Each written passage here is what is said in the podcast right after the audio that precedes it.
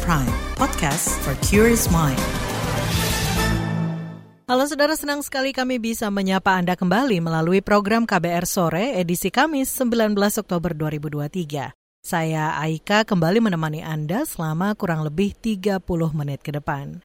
Saudara, sore ini kita akan membahas pendaftaran bakal Capres dan Cawapres yang telah dibuka oleh Komisi Pemilihan Umum KPU mulai 19 hingga 25 Oktober. Dua pasangan yakni Anies Baswedan Muhaimin Iskandar dan Ganjar Pranowo Mahfud MD hari ini sudah mendaftar ke KPU. Namun, satu baca pres Prabowo Subianto masih belum mendaftar dan belum memiliki pasangan bacawa pres.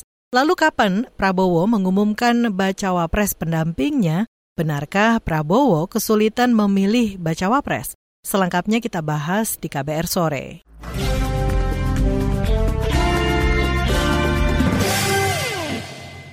Saudara, Komisi Pemilihan Umum KPU RI hari ini telah membuka pendaftaran Capres dan Cawapres untuk pemilihan Presiden Pilpres 2024.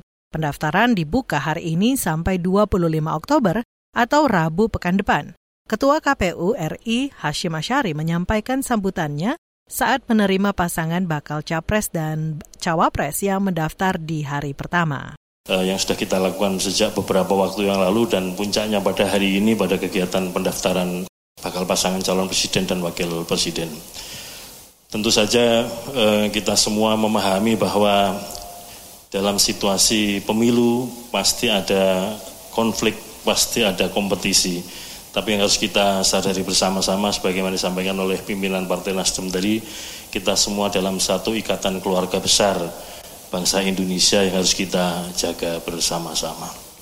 Oleh karena itu nanti secara administratif yang kami terima ini nanti penilaiannya ukurannya adalah lengkap atau belum lengkap itu saja.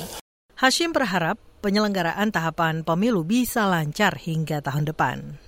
Kita semua berdoa semoga kita senantiasa diberikan kesehatan, diberikan kekuatan, diberikan terutama bagi kami diberikan kesabaran untuk melayani para peserta pemilu dan kita diberikan keselamatan sehingga proses-proses pemilu nanti kita semua berakhir dalam kondisi husnul khotimah. Kegiatan kepemiluan kita berjalan secara tertib, berintegritas dan demokratis serta damai. Itu tadi Ketua KPU RI Hashim Asyari. Hari ini ada dua pasangan yang mendaftar ke KPU. Pagi tadi pasangan Anies Baswedan dan Muhaimin Iskandar atau Caimin mendaftar diiringi ribuan pendukung. Dengan mengenakan kemeja putih, keduanya menaiki mobil jeep terbuka ke KPU. Berikut pernyataan Anies setelah menyerahkan dokumen di KPU. Pertama izinkan kami menyampaikan terima kasih, apresiasi kepada Komisi Pemilihan Umum dan Bawaslu yang telah berkenan untuk menerima kami pagi hari ini sesuai dengan apa yang kami harapkan untuk bisa mendaftar di hari pertama hari ini. Dan kami memang berencana bisa tiba jam 8. Tapi lalu lintas macet bukan hanya lalu lintas kendaraan rupanya, tapi lalu lintas orang juga macet. Karena itu mohon maaf kami datang agak terlambat. Tapi yang kedua, izinkan kami menyampaikan juga rasa syukur Alhamdulillah bahwa selama beberapa waktu ini komunikasi arahan dari KPU khususnya kepada kita semua yang bekerja menyiapkan seluruh persyaratan berjalan dengan amat baik. Itu tadi baca pres dari Koalisi Perubahan untuk Persatuan Anies Baswedan. Pasangan Anies dan Muhaimin atau Amin diusung Partai Nasdem Partai Kebangkitan Bangsa PKB, Partai Keadilan Sejahtera PKS, dan Partai Umat. Saudara pasangan kedua yang mendaftar ke KPU adalah Ganjar Pranowo dan Mahfud MD. Ganjar hadir mengenakan kemeja hitam, sementara Mahfud berkemeja putih. Keduanya mendaftar di hari pertama setelah kemarin Mahfud diumumkan sebagai bacawa pres Ganjar. Berikut keterangan Ganjar saat mendaftar di KPU siang tadi. Saya bersama Pak Mahfud dan kami beserta istri hadir di sini untuk menyerahkan dokumen bersama partai pengusung. Dan tentu saja Bapak Ibu dari Komisioner KPU sudah menerima lengkap. Mudah-mudahan menjadi awal legalitas terpenuhi dan insya Allah saya dan Pak Mahfud melalui visi misi dan program yang sudah kita siapkan akan cepat membawa Indonesia maju lebih lincah lagi dan tentu kami mohon dukungan, mohon dorongan kepada masyarakat dan mudah-mudahan KPU akan menjadi wasit yang insya Allah pasti paling netral, pasti paling bisa memberikan layanan terbaik dan kita persembahkan untuk kemajuan bangsa dan negara. Itu tadi baca pres Ganjar Pranowo. Pasangan Ganjar dan Mahfud diusung koalisi PDI Perjuangan, Partai Persatuan Pembangunan P3, Partai Hanura, dan Perindo. Saudara berbeda dengan pasangan Anies Mohaimin dan Ganjar Mahfud, Koalisi Indonesia Maju KIM yang mengusung Ketua Umum Partai Gerindra Prabowo Subianto sebagai baca pres belum mendaftar ke KPU. Sebab hingga kini Prabowo masih menggodok nama bacawa pres dan tak kunjung mengumumkan calon yang bakal menjadi pendampingnya dalam Pilpres 2024. Prabowo enggan menjawab kepastian pengumuman sosok bacawa pres yang menjadi pilihannya. Tenang aja, ojo ke susu. Tapi kan udah mau bentar. Ojo gerusa gerusu. Tapi mau ya. bentar lagi. Iya, terus kita kita ini namanya demokrasi ya. Terima kasih semuanya ya. Namanya sudah mengerucut Pak. Pak, tapi namanya sudah mengerucut Pak. Ya, kita kita godok terus. Oke. Siapa Pak? Itu tadi baca pres Prabowo Subianto. Saudara, koalisi partai politik mendukung Prabowo Subianto terdiri dari Partai Gerindra, Golkar, Partai Amanat Nasional PAN, Partai Gelora, dan Partai Garuda. Saudara dalam Pilpres 2024, salah satu dukungan yang diperebutkan adalah suara kelompok Nahdlatul Ulama NU. Lalu bagaimana strategi Ganjar Mahfud dan Anies Mohaimin menggait suara masa NU? Selengkapnya akan dibahas di laporan berjudul Berebut Suara NU di Pilpres 2024. Tetaplah di KBR Sore.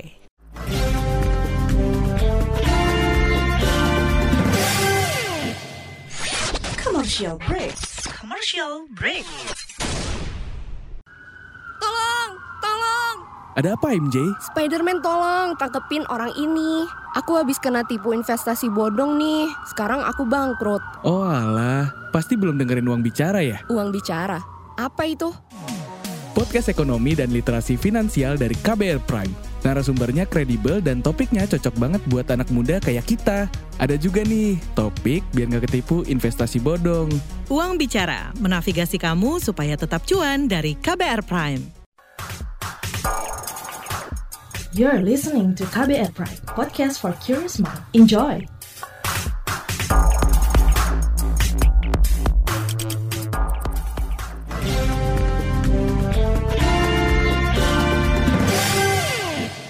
Menko Polhukam Mahfud MD dipilih sebagai bakal calon wakil presiden mendampingi Ganjar Pranowo. Mahfud dipilih karena sejumlah faktor dan pengalamannya, semisal sebagai ahli hukum. Namun, sejumlah pihak menyebut faktor lain dipilihnya Mahfud, yakni lantaran dia juga seorang kader Nahdlatul Ulama atau NU. Dipilihnya Mahfud diharapkan bisa meraih suara di basis masa NU. Benarkah analisis tersebut? Berikut laporan khas KBR disusun Syafira Aurelia. Penetapan Menteri Koordinator Bidang Politik Hukum dan Keamanan Menko Polhukam Mahfud MD sebagai bakal calon wakil presiden Bacawa Pres disampaikan Ketua Umum PDI Perjuangan Megawati Soekarno Putri di Menteng, Jakarta Pusat kemarin. Kesemuanya saya tujukan sebesar-besarnya bagi kepentingan rakyat bangsa dan negara. Karena itulah dengan mengucapkan Bismillahirrohmanirrohim maka calon wakil presiden yang dipilih oleh Partai Demokrasi Indonesia Perjuangan yang akan mendampingi Bapak Ganjar Pranowo adalah Bapak Profesor Dr. Mahfud MD. Usai dipilih, Mahfud MD mengatakan bakal meneruskan dan memperbaiki program pemerintahan yang sudah ada bersama Ganjar. Dia berjanji bakal melakukannya dengan tetap berpegang pada konstitusi. Maka saat ini saya menyatakan saya bersedia untuk ikut kontestasi. Bersama Mas Ganjar, saya akan mendedikasikan diri. Semua kemampuan saya, ilmu saya, pengalaman saya, ketegasan dan keteguhan sikap saya, serta keberanian-keberanian yang selama ini saya usahakan untuk selalu ditunjukkan kepada bangsa dan negara Indonesia. Pasangan Ganjar Mahfud didukung sejumlah partai yakni PDIP, Partai Perindo, Partai Hanura, dan Partai Persatuan Pembangunan P3. Menurut pelaksana tugas PLT Ketua Umum P3 Mardiono, penunjukan Mahfud MD sebagai bacawa pres telah melalui berbagai pertimbangan. Salah satunya untuk mendulang suara kelompok Nahdlatul Ulama. Ya itu bagian, karena dalam mengambil keputusan itu kita juga mengambil masukan-masukan ya dari para tokoh masyarakat, organisasi, mahasiswa, ya semuanya kita uh, meminta masukan-masukan itu semua. Sementara itu, kubu Koalisi Perubahan yang mengusung bakal Capres-Cawapres Anies Baswedan dan Muhaimin Iskandar tidak khawatir bila Mahfud MD merebut suara Nahdliyin di wilayah Tapal Kuda. Wilayah itu terdiri dari tujuh kabupaten di ujung timur Pulau Jawa. Namun Wakil Sekretaris Dewan Syuro PKB, Maman Imanul Haq mengakui suara Nahdliyin tidak akan lari hanya ke satu pasangan calon saja tapi tidak mengurangi pendukung Nahdiyin ke pasangan Amin. Tentu ada yang ke Ganjar, ada yang ke Prabowo, dan itu banyak juga yang ke Amin. Nah, kami yakin bahwa caleg-caleg PKB mempunyai hubungan emosional dengan Nahdiyin, konstituen di bawahnya, dan itu akan menjadi modal besar bagi PKB untuk mengarahkan Nahdiyin tetap memilih Amin. Begitu pula tugas-tugas konstitusional yang dipakai para anggota DPR dalam meyakinkan Nahdiyin bahwa PKB bergerak bergerak berjuang untuk kepentingan masyarakat Nahdiyin itu menjadi faktor terpenting. Merespon suara NU yang kini diperebutkan, Ketua Pengurus Besar Nahdlatul Ulama PBNU Ahmad Fahrul Rozi mempersilahkan semua pasangan calon untuk merebut simpati warga. Sebab ia meyakini masing-masing pasangan calon memiliki daya tarik dan pendukungnya sendiri. Kalau NU ini adalah organisasi kemasyarakatan, organisasi keagamaan, jadi kita bukan pada ranah untuk mendukung atau tidak mendukung calon tertentu. Kita serahkan masing-masing warga kita ini sudah sudah teredukasi dengan baik dan masyarakat ini sudah semakin apa ya semakin pintar bisa memilih dengan berbagai pandangan-pandangan yang saya kira tidak mudah sekarang untuk diarahkan oleh oleh siapa pun. Ahmad Fahrul Rozi menilai pertarungan sengit untuk mendapatkan suara Nahdliyin mungkin terjadi di wilayah Jawa Timur yang menjadi daerah mayoritas NU. Hasil analisis Saiful Mujani Research and Consulting SMRC menyebut pasangan Ganjar Mahfud dapat menjadi lawan terberat pasangan Anies Baswedan Muhaimin Iskandar untuk meraih suara NU. Manajer program SMRC Saidiman Ahmad mengatakan, Mahfud MD bakal menambal kelemahan Ganjar di basis-basis NU di Jawa Timur. Jadi aspek integritas ini saya kira menjadi alasan utama ya dari uh, eh, PDI Perjuangan memilih Mahfud MD. Dengan dipilihnya uh, Mahfud MD berdasarkan analisa dari basis itu saya kira salah satu tujuannya adalah untuk mempertahankan basis. Kemudian kalau kita lihat peluangnya saya kira dengan modal semacam itu, modal kualitas personal dan kemudian modal uh, sosial, saya kira pasangan ini cukup menjanjikan ya untuk mendapatkan simpati publik yang lebih luas. Berdasarkan daftar pemilih tetap DPT Pemilu 2024, ada lebih 204 juta pemilih yang akan menggunakan hak pilihnya. Hasil survei Poltreking Indonesia pada Oktober 2021 menyebut jumlah masa NU sangat besar, yakni ada hampir 42 persen responden yang mengaku terafiliasi atau merasa sebagai Nahdliyin. Jumlah itu setara 90 juta pemilih.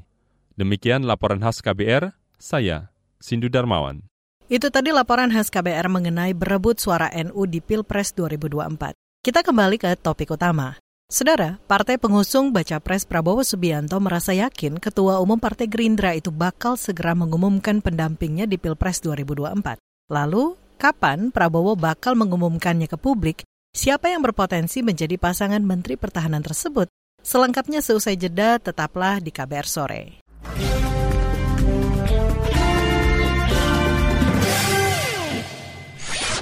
Commercial break. Commercial break. Eh, eh, eh, lu udah tahu soal ini belum sih? Lihat dong. oh, ini mah gue udah tahu. Seru banget, sumpah. Hah? Apaan tuh? Ini loh yang lagi viral itu. Hah? Gimana gimana? Daripada FOMO, mending lu dengerin deh podcast FOMO Sapiens. Hah? Setiap hari Jumat hanya di kbrprime.id dan platform mendengarkan podcast lainnya. No more fear of missing out tips. KBR Prime, podcast for curious mind. You're listening to KBR Prime, podcast for curious mind. Enjoy!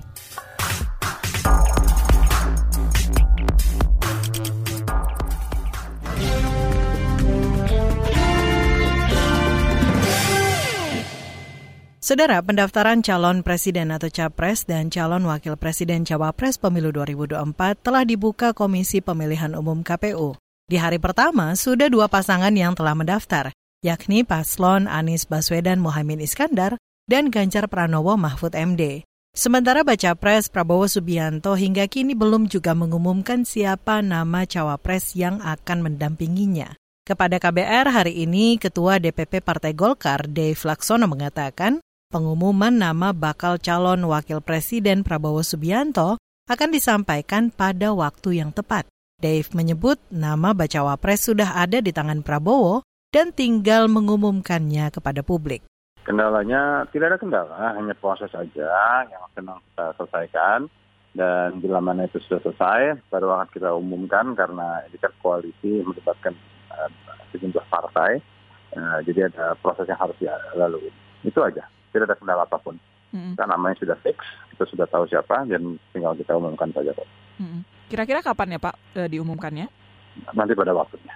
Dave Laksono menambahkan bacawa pres yang dipilih untuk mendampingi Prabowo merupakan sosok yang sepadan dan bisa saling melengkapi kekurangan satu sama lain. Ia yakin bacawa pres yang dipilih Ketua Umum Gerindra tersebut merupakan terbaik dari yang baik. Ini kan berbicara tentang uh, menjalankan roda pemerintahan dan mendampingi seorang uh, calon presiden yang sangat mengerti dan memahami akan kondisi bangsa. Jadi harus yang sepandan uh, kemampuan dan ilmunya. Uh, dan juga harus bisa melengkapi kebutuhan-kebutuhan ataupun kekurangan-kekurangan yang ada sehingga pasangannya adalah pasangan yang sempurna. Itu tadi Ketua DPP Partai Golkar Dave Laksono. Sementara itu, saudara redaksi KBR telah berusaha menghubungi Wakil Ketua Umum Gerindra, Rahayu Saraswati Joyo Hadikusumo, dan Ketua Harian Partai Gerindra, Sufmi Dasko Ahmad.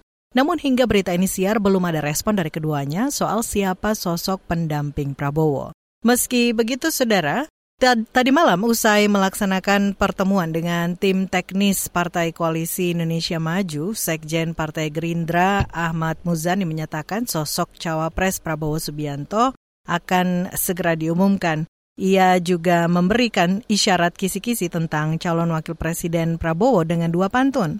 Pantun pertama yang dibacakan Muzani yakni Indonesia negeri yang kaya penduduknya berjuta-juta, kita ingin Indonesia jaya, Prabowo dan anak muda jawabannya. Kemudian yang kedua Muzani juga berpantun beli pisang sambil sepedaan, pulangnya mampir stasiun balapan.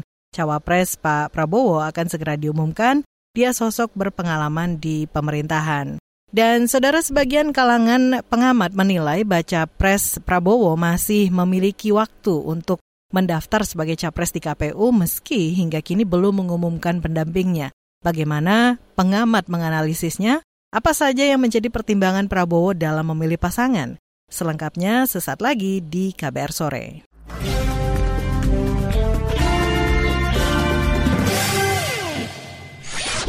Commercial break. Commercial break. Yang baru, yang baru, yang baru. Tidak ada yang lebih baru dari kabar baru.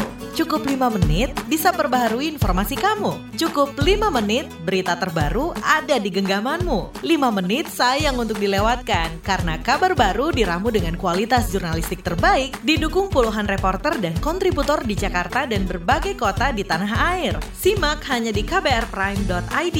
Cukup search kabar baru, kamu akan dapatkan informasi teraktual dalam 5 menit.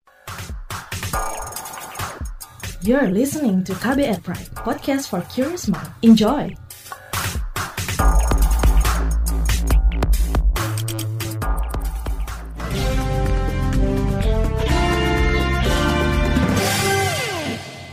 Saudara, sebagian kalangan pengamat politik menilai bakal calon presiden baca pres Prabowo Subianto masih berdiskusi dengan Ketua Umum Partai Koalisi guna menentukan sosok bacawa pres Prabowo. Koordinasi dinilai sangat penting untuk meminimalkan konflik di internal koalisi pendukung.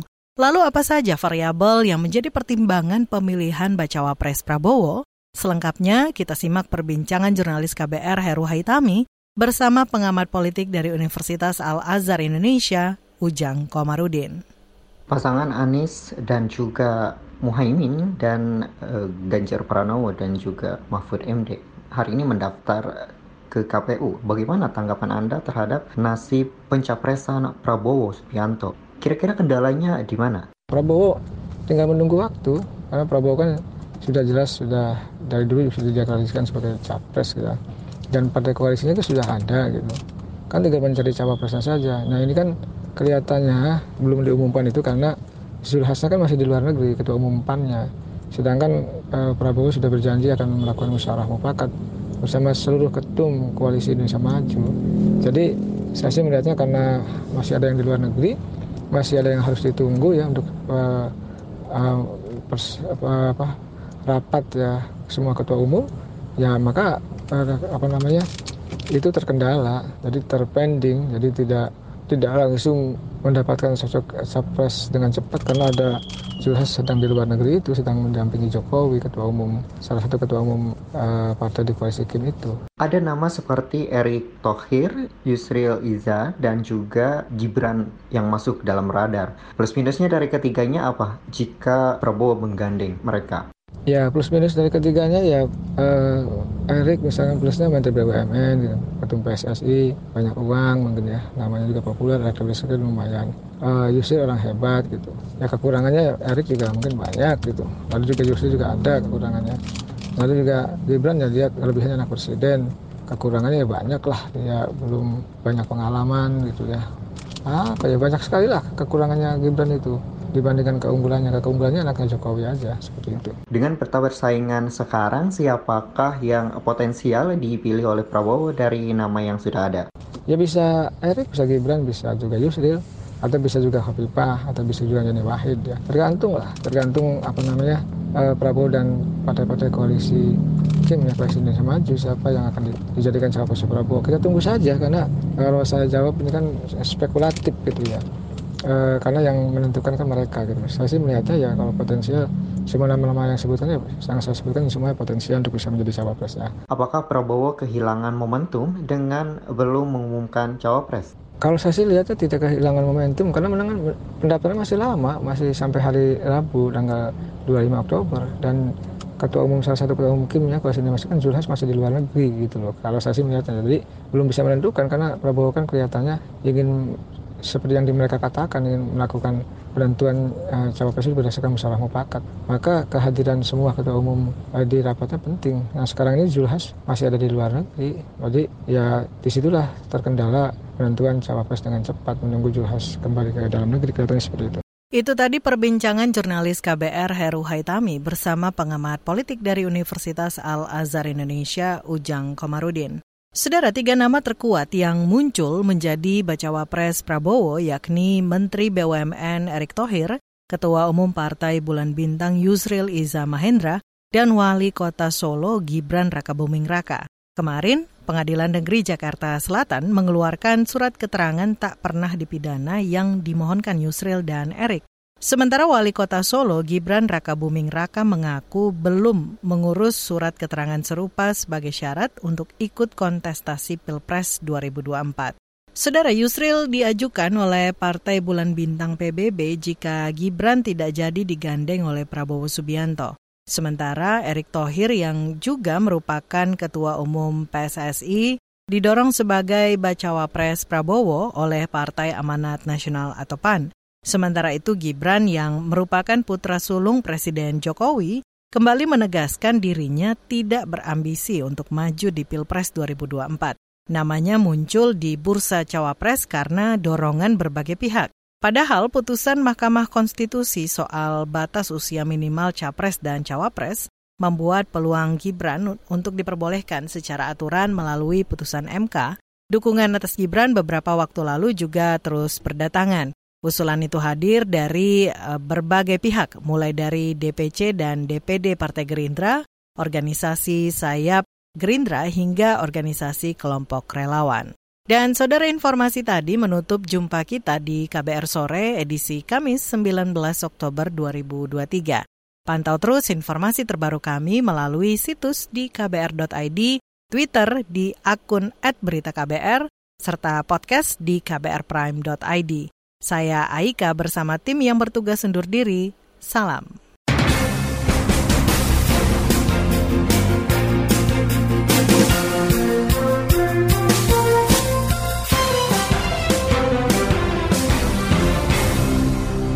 KBR Prime, cara asik mendengar berita.